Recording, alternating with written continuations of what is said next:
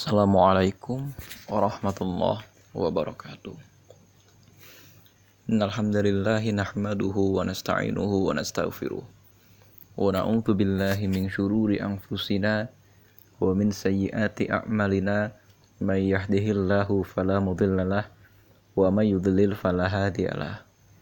Asyhadu an la ilaha illallah wa asyhadu anna Muhammadan abduhu wa rasuluhu la nabiyya ba'da. Allahumma salli ala Muhammad wa ala ali Muhammad kama sallaita ala Ibrahim wa ala ali Ibrahim innaka Hamidum Majid. Rabbi syrah li sadri wa yassir li amri wahlul 'uqdatam min lisani yafqahu qawli. Rekan-rekan sekalian, hari ini kita masih akan membahas kelanjutan dari kisah perang Bani Nadir yang tanpa terasa ini sudah memasuki seri ketiga dari kisah perang Bani Nadir. Nah, dalam kesempatan kali ini kita akan mengupas lebih jauh aktor ketiga. Aktor ketiga dalam perang Bani Nadir. Karena dalam perang Bani Nadir itu yang terlibat bukan hanya Rasulullah Shallallahu Alaihi Wasallam atau juga kaum Yahudi Bani Nadir dengan pimpinannya yaitu Huyai bin Akhtab akan tetapi pihak ketiga yang bernama kaum munafik gembong kaum munafik pada saat itu Abdullah bin Ubay bin Salul sudah tidak bisa lagi menyembunyikan kemunafikannya sebagai imbas dari kejadian perang Uhud. Nah, kejadian perang Uhud kalau kita mau ingat-ingat kembali di sana Abdullah bin Ubay bin Salul ternyata menyatakan mundur dari pasukan Islam.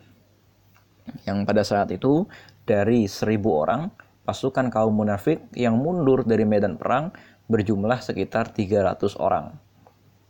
Di sini sudah terlihatlah kemudian eh, siapa-siapa saja orang munafik yang menjadi pengikut dari Abdullah bin Ubay bin Salul. Nah, kalau kita mau ingat-ingat lagi, eh, perang Bani Nadir ini terjadi kira-kira di tahun yang eh, sama, artinya belum ada setahun dari perang Uhud. Artinya ini masih kelanjutan sebetulnya. Ini masih kelanjutan dari cerita apa yang terjadi setelah perang Uhud. Nah, pengkhianatan dari orang-orang munafik ini belum hilang dari hati orang-orang mukmin, belum hilang. Akan tetapi ternyata sekarang orang-orang munafik bikin ulah lagi ketika kaum Yahudi Bani Nadir terbukti secara sah melakukan percobaan pembunuhan kepada Rasulullah Shallallahu Alaihi Wasallam, maka jatuhlah hukuman kepada mereka yaitu diusir. Mereka harus meninggalkan tanah mereka e, sejauh-jauhnya dan kemudian mereka itu kan nanti mengungsi ke daerah Khaybar. Tapi Abdullah bin Ubay bin Salul memberikan jaminan bahwa katanya aku akan datang untuk mencegah Muhammad datang kepadamu dengan sekian tentara. Ada yang mengatakan 2000 tentara. Ya. Aku akan datang kepadamu dengan membawa 2000 tentara.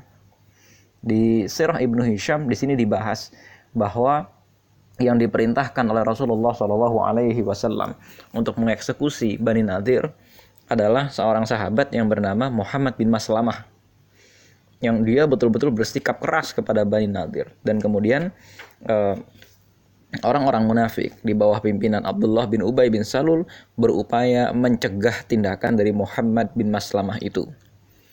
Memang namanya sama dengan Rasulullah Shallallahu Alaihi Wasallam. Akan tetapi Muhammad bin Maslamah ini memang adalah seorang sahabat yang istimewa. Nah, kemudian ternyata teman-teman sekalian, ketika Rasulullah Shallallahu Alaihi Wasallam mengepung Bani Nadir, maka orang-orang munafik ternyata tidak menampakkan batang hidungnya sedikit pun lantaran mereka itu takut kepada Rasulullah Shallallahu Alaihi Wasallam. Memang kalau dipikir-pikir secara uh, secara hitam di atas putih, saat itu kekuatan militer Rasulullah Shallallahu Alaihi Wasallam dalam kondisi sangat lemah sebagian besar pasukan Islam dalam kondisi luka-luka yang belum sembuh dari peristiwa perang Uhud. Belum sembuh. Bahkan mereka kehilangan 70 orang sahabat-sahabat terbaik. Mereka kehilangan Hamzah. Mereka kehilangan Mus'ab bin Umair. Mereka kehilangan Anas bin Nadhr dan lain sebagainya. Dan peristiwa perang Bani Nadir ini kan dipicu oleh pembantaian yang dilakukan oleh suku-suku yang ada di luar Madinah yang mengakibatkan kembali syahidnya 70 orang sahabat di antara mereka. Kekuatan militer Rasulullah Shallallahu Alaihi Wasallam terpukul pada saat itu. Akan tetapi ternyata ini saja masih sanggup membuat gentar hati orang-orang munafik karena ternyata Rasulullah Shallallahu Alaihi Wasallam tidak pernah memberikan pepesan kosong tidak pernah memberikan ancaman kosong. Tapi mengenai ini nanti akan kita bahas mengenai bagaimana cara Rasulullah Shallallahu Alaihi Wasallam memainkan strategi ini, memainkan strategi perang urat saraf untuk melawan orang Quraisy. Tapi uh, bukan melawan orang Quraisy ya, tapi melawan orang-orang munafik. Nah, tapi dalam pembahasan kita kali ini ternyata mengenai sikap orang munafik yang tidak jadi membantu orang-orang Yahudi dan bahkan lari entah ke mana pada saat orang-orang Yahudi itu diusir dan tertipu dibongkar oleh Allah Subhanahu wa taala dalam surat Al-Hasyr ayat 11 sampai ayat 17. Dalam kitab uh, tafsir Ibnu Katsir misalnya, Ibnu Abbas dengan tegas mengatakan bahwa surat Al-Hasyr memang berkaitan dengan kaum Bani Nadir Nah, sementara Ibnu Hisham sendiri memang mengatakan bahwa ya asbabun nuzul atau e, peristiwa yang berkaitan dengan surat Al-Hasyr ini adalah peristiwa perang Bani Nadir.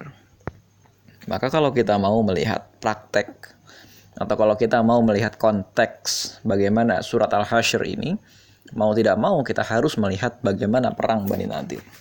Bahkan di masa Rasulullah Shallallahu Alaihi Wasallam, surat Al Hasyr itu bernama surat Bani Nadir. Nah, A'udzubillahi minasyaitonirrajim. Bismillahirrahmanirrahim. Alam tara ila alladhina nafaqu yaquluna li ikhwanihimul ladzina kafaru min ahlil kitab. Jadi, apakah kamu tiada memperhatikan orang-orang munafik? Alam tara ila alladhina faqu yang dimaksud dengan orang munafik, kata Ibnu Hisham dalam kitab sirahnya, adalah Abdullah bin Ubay bin Salul dan orang-orang yang satu kepentingan dengan dia untuk apa? Memblaming, untuk memberikan dukungan moral, untuk memberikan dalam tanda kutip bahasanya itu informasi atau seakan-akan orang munafik ini satu kelompok dengan mereka. Yaquluna li ikhwanihimul ladzina kafaru min ahlil kitab yang berkata kepada saudara-saudara mereka dari ahli kitab bahwa ternyata la in ukhrijutum lanakhrujanna ma'akum wa la nuti'u fikum ahadan abada bahwa kami gak akan meninggalkanmu. Tenang aja pokoknya kami akan datang kepadamu kami akan memberikan dukungan padamu, kami akan mencegat tentara Muhammad itu agar kamu tidak jadi diusir. Tapi ternyata apa yang terjadi? Enggak, ternyata orang-orang munafik itu enggak datang. Allah Subhanahu wa taala membongkar kemunafikan mereka secara langsung bahwa ini adalah orang-orang munafik dan di antara ciri pertama dari orang munafik kalau kita angkat dari surat Al-Hasyr ini dia memang suka memperkuat musuh Islam dan memperlemah orang Islam di satu sisi. Meskipun zohirnya mereka sholat. Abdullah bin Ubay bin Salul itu sholat. Abdullah bin Ubay bin Salul itu sering mengatakan asyhadu alla ilaha illallah Muhammad Rasulullah. Bahkan di surat Al-Munafikun, Allah Subhanahu wa taala memang menceritakan bahwa mereka itu mengatakan itu. A'udzubillahi minasyaitonirrajim. Idza ja'akal munafiqun qalu nashhadu innaka la Rasulullah. Mereka mengatakan engkau itu betul-betul Rasulullah. Meskipun Rasulullah Shallallahu Alaihi Wasallam nggak perlu pengakuan dari mereka. Artinya tanpa atau dengan kita akui Rasulullah Shallallahu Alaihi Wasallam tetap adalah seorang Rasul, tetap adalah seorang Nabi. Tapi kan kepentingan mereka lagi-lagi untuk tampil sebagaimana orang Islam tampil. Tapi sikap politik mereka, rupanya mereka memperkuat musuh-musuh Islam dan memperlemah kekuatan Islam. Ketika terjadi kutub, ya, ketika terjadi uh, polarisasi kekuatan antara kekuatan musuh Islam dengan kekuatan orang-orang Islam, mereka biasanya lebih dekat ya lebih dekat pembelaannya kepada musuh-musuh Islam. statement-statementnya itu statementnya mendekati musuh Islam. Statementnya menyenangkan musuh Islam. Udah tenang aja itu radikal itu. Nah itu radikal itu. Tenang saja nanti kita bantu dengan sejumlah pasukan. Nah, tapi mereka sesungguhnya tidak ingin begitu. Mereka sesungguhnya cuma lagi menunggu siapa yang menang nah ketika nanti ya ada orang-orang yang menang mereka mendekati Nah, saat ini kan memang Rasulullah Shallallahu Alaihi Wasallam ini yang menang dan mereka secara zohir tampak ada di pihak Rasulullah. Akan tetapi mereka pragmatis. Ketika ada satu kekuatan atau ketika ada satu momentum yang kira-kira bisa digunakan untuk memukul kekuatan Islam, mereka akan bergabung di momentum itu. Atau setidak-tidaknya memanfaatkan tangan kedua. Ya, memanfaatkan tangan orang lain untuk bisa memukul kekuatan Islam. Ini yang bahaya. Ada orang-orang yang dalam tanda kutip, orang-orang pansos. Ketika orang muslim itu sedang menghadapi musuh-musuhnya. Nanti orang-orang munafik ini juga akan berulah lagi, ya, akan terus berulah terus. Misalnya ya kalau di masa sekarang itu ketika terjadi perseteruan antar ormas atau ketika terjadi perseteruan antar aliran di Indonesia. Ada sekelompok orang-orang munafik yang memperpanas perseteruan itu sehingga yang terjadi orang-orang muslim makin seru berantemnya. Makin hebat lagi berantemnya. Ya dan mereka mereka nggak mau kalau sampai perseteruan itu berhenti. Karena kalau sampai perseteruan itu berhenti nanti mereka yang dicari mereka yang habis nanti kalau sampai perseteruan itu berhenti maka penting sekali buat mereka untuk selalu memberikan minyak di atas perkelahian dan pertengkaran orang-orang muslim Cara terbaik untuk bisa menghadapi mereka memang mau tidak mau kita diam. Abaikan aja mereka. Nah, eh, rekan-rekan sekalian, lalu eh, selanjutnya ya Allah Subhanahu wa taala menceritakan lagi lebih jauh bagaimana sih sifatnya orang-orang munafik ini. Allah Subhanahu wa taala mengatakan dalam surat Al-Hasyr selanjutnya, tahsabuhum jami'a wa qulubuhum syatta jadi seakan-akan mereka itu satu kubu yang bersatu padu. Kita melihat mereka itu seakan-akan satu kubu. Orang-orang munafik dengan dengan atau bergabung orang-orang munafik ini merapat ke satu kekuatan politik atau kekuatan politik yang memerangi Islam seakan-akan bersatu padu. Tahsabuhum jami'ah. Seakan-akan kita melihat mereka berjamaah. Wa qulubuhum syatta, tapi hati mereka itu sebenarnya bercerai-berai sebenarnya mereka tidak betul-betul saling membela. Mereka tidak betul-betul uh, saling uh, saling mencintai. Mereka itu tidak betul-betul satu kubu sebetulnya. Ya. Dan mereka itu sebetulnya takut kepada kekuatan Islam. Jadi mereka ini pragmatis, nunggu-nunggu, saling satu sama lain itu saling nunggu apa yang kita lakukan.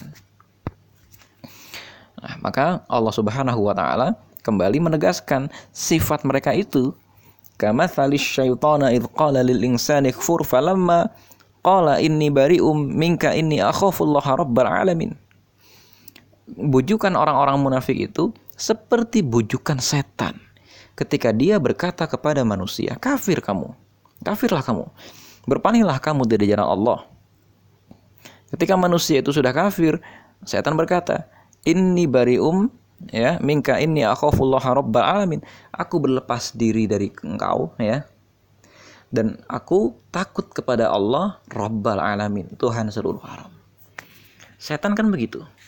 Ketika setan sudah menjerumuskan kita ketika setan itu sudah e, menjerumuskan manusia maka setan berkata aku berlepas diri dari kamu Nggak ada yang bisa memberikan pertanggungjawaban kepada diri kamu kecuali diri kamu sendiri itu kata setan. Dan setan iblis itu mengatakan aku takut kepada Allah. Maka aku tidak melakukan maksiat itu, aku hanya nyuruh kamu saja. Dan salah sendiri, sekarang kamu sudah sesat, kan sekarang kamu sudah uh, sudah mendapatkan hukuman dari Allah, aku tidak bertanggung jawab. Nah, jadi orang munafik persis seperti ini, menyuruh orang untuk melakukan berbagai kemungkaran, menyuruh orang untuk meninggalkan ulama. Ya, seperti yang dilakukan oleh Abdullah bin Ubay bin Salul pada saat perang Uhud. Orang Islam sama-sama lagi berjuang, ya orang-orang munafik ini bilang, saya ngapain sih kita nih berjuang bareng-bareng gitu loh, nggak akan menang kita ini. Ngapain sih, gitu loh. Memang orang yang mengatakan seperti ini ada dua jenis ya. Jenis pertama adalah orang munafik. Memang Dan jenis kedua adalah orang-orang yang memang belum memahami saja. Masih harus diyakinkan lagi apakah kita perlu benar-benar ikut berperang atau tidak. Misalnya belakangan waktu ada e, peristiwa penghinaan kepada Islam yang dilakukan oleh Emmanuel Macron. Nah, yang dilakukan oleh Emmanuel Macron itu ya dia malah sengaja memasang karikatur Islam, karikatur Rasulullah Shallallahu Alaihi Wasallam dan semua orang Islam tuh marah sehingga akhirnya melakukan boykot kepada produk-produk yang afiliasinya atau pajaknya nanti mengalir ke negara Perancis. Tapi nanti ada, bukan nanti, sudah terjadi. Ada sekelompok orang yang mengatakan, ngapain sih kita boykot? Kasianlah itu, ada orang yang kerja di sana, anak istrinya butuh makan apa dan lain sebagainya. Islam itu agama damai, nggak usahlah kita ikut berperang begini dan lain sebagainya. Ini persis sekali seperti tindakan Abdullah bin Ubay bin Salul yang dia itu melarang atau dia itu bahkan mencegah orang-orang Islam untuk berperang pada saat perang Uhud. Dan ketika akhirnya dia berangkat sekalipun, apa yang terjadi? Dia mundur. Dia tarik mundur pasukannya sehingga orang-orang Islam berjuang hanya dengan 700 orang. Dan dia ketawa-tawa aja gitu loh. Saya nggak mau ikut berperang sama kalian. Itu kata dia. Dan sekarang ketika terjadi ya perang dalam kota atau dalam konteks ini perang antar sesama elemen e, penduduk kota Madinah. Orang-orang munafik ini berpihak kepada kaum Yahudi Bani Nadir karena memang tujuannya itu bukan menegakkan kebenaran, tujuannya itu bukan berjuang bersama. Tujuan mereka sejak awal adalah memecah belah persatuan bangsa. Sehingga ketika kaum Yahudi Bani Nadir berhadapan-hadapan frontnya dengan Rasulullah, memang orang-orang munafik ini ingin Rasulullah Shallallahu Alaihi Wasallam itu kalah, maka mereka segera berpihak kepada kaum Yahudi Bani Nadir. Tapi mereka ini lemah, mereka ini nggak benar-benar ada di pihak orang-orang Yahudi Bani Nadir. Tahsabuhum jami'a wa qulubuhum syatta. Ini bicara tentang orang-orang munafik dengan orang-orang Yahudi. Memang zohirnya Islam, dan ketika zohirnya Islam, orang kalau nggak ngerti akan mengatakan, misalnya kita hari ini punya mesin waktu datang ke kota Madinah, kita akan mengatakan, loh ini orang Islam juga. Orang Islam yang berpihak kepada orang Yahudi. Ini sahabat-sahabat Rasulullah sekilas begitu. Ini adalah sekilas ya sahabat-sahabat Rasulullah. Ternyata sebagian sahabat Rasulullah Shallallahu Alaihi Wasallam berpihak kepada orang Yahudi. Oh ternyata itu biasa. Padahal rekan-rekan sekalian, ada hal yang sangat jelas sekali menjadi garis pembeda antara orang-orang Yahudi dengan orang-orang Muslim dan antara orang-orang Muslim dengan orang-orang munafik. Ini loh rekan-rekan sekalian ya. Dan memang akhirnya ketika orang-orang Yahudi Bani Nadir benar-benar diusir dari kota Madinah, maka orang-orang munafik ini sudah tidak punya lagi pendukung sebetulnya. Dan nggak banyak orang yang membaca Sirah Ibnu Hisham yang di sana ada satu cerita bahwa orang-orang Yahudi itu akhirnya orang-orang munafik itu ya maksudnya diusir dari Masjid Nabawi.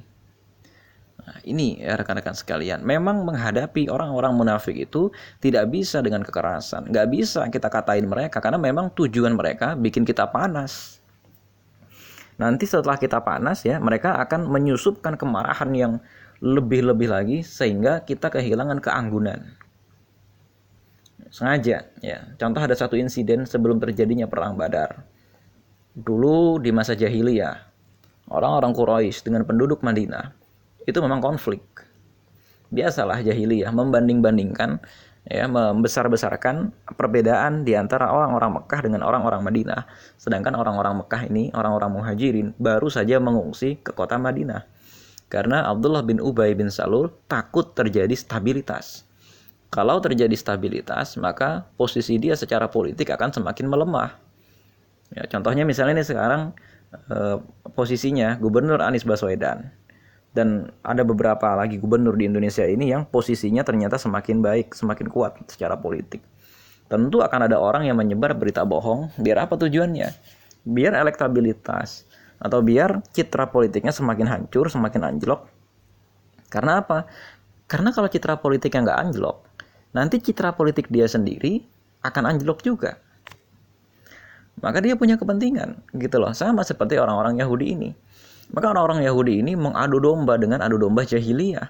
Akhirnya biar apa? Biar sesama muslim kembali bertengkar.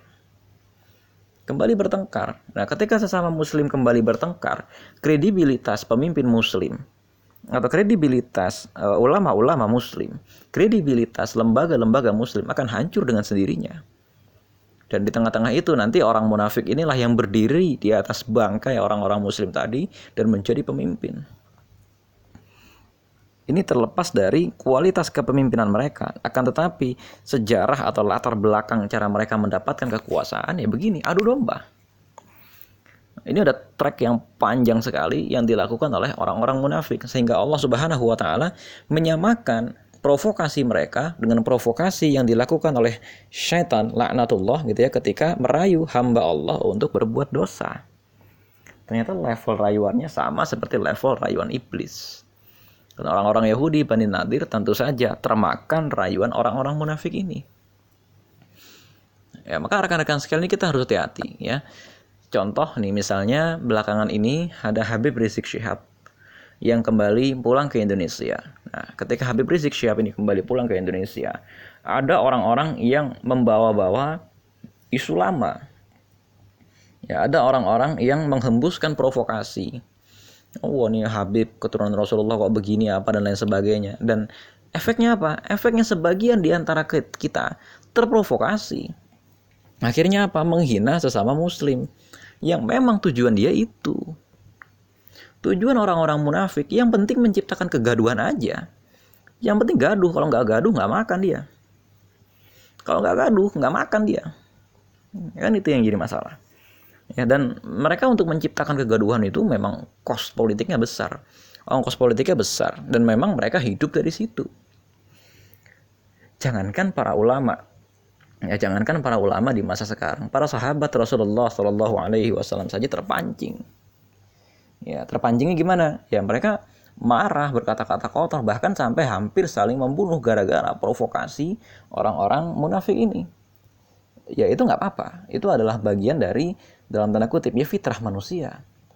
Tapi sekarang kita ya orang-orang yang masih punya uh, hati yang tenang, orang-orang yang masih punya hati yang sejuk, nggak usah ikut-ikutan menyebarkan berita-berita yang provokatif. Ya, nggak usah ikut-ikutan menyebarkan berita. Nanti lama kelamaan akan terbuka sendiri kok. Ya, akan terbuka sendiri itu hijabnya orang-orang munafik yang selama ini dirahasiakan dari kita. Sebagaimana kalau oleh Allah Subhanahu wa taala dulu dibuka dengan ayat-ayat yang turun, kalau sekarang Allah Subhanahu wa taala akan membuka sendiri aib mereka cepat atau lambat. Para penghina Habib Rizik Syihab misalnya. Ternyata terbuka aib mereka bahwa mereka sendiri tengah ada dalam laporan kepolisian katanya tindak kekerasan. Atau sebagian dari para penghina Habib Rizik Syihab atau sebagian dari orang yang sekarang mengadu domba para ulama sekarang mulai ditolak kajian-kajian di mana-mana karena orang Islam sekarang sudah mulai sadar ini orang munafik. Orang Islam selama lama sudah mulai sadar bahwa ini tidak benar. Jadi untuk menghadapi orang-orang munafik memang kita harus satu komando dan jangan marah, jangan gampang tersulut. Orang yang gampang menjadi mangsa kaum munafik justru adalah orang-orang sumbu pendek yang dengan sumbu pendeknya itu dia bisa menyebabkan konflik menyebar ke mana-mana rekan sekalian, gitu ya. Itulah penyebabnya Allah Subhanahu wa taala mengatakan ya salah satu penyebab Allah Subhanahu wa taala menegaskan rayuan orang munafik persis seperti rayuan setan. Ketika setan sudah berhasil melancarkan misinya, dosa sudah terlaksana, setan mengatakan, "Inni bari umminka inni akhafullah rabbal alamin." Aku berlepas diri dari kamu karena sesungguhnya aku takut kepada Allah Tuhan semesta alam. Allah alam Kira-kira itu dulu yang mau kita bahas hari ini. Assalamualaikum warahmatullahi wabarakatuh.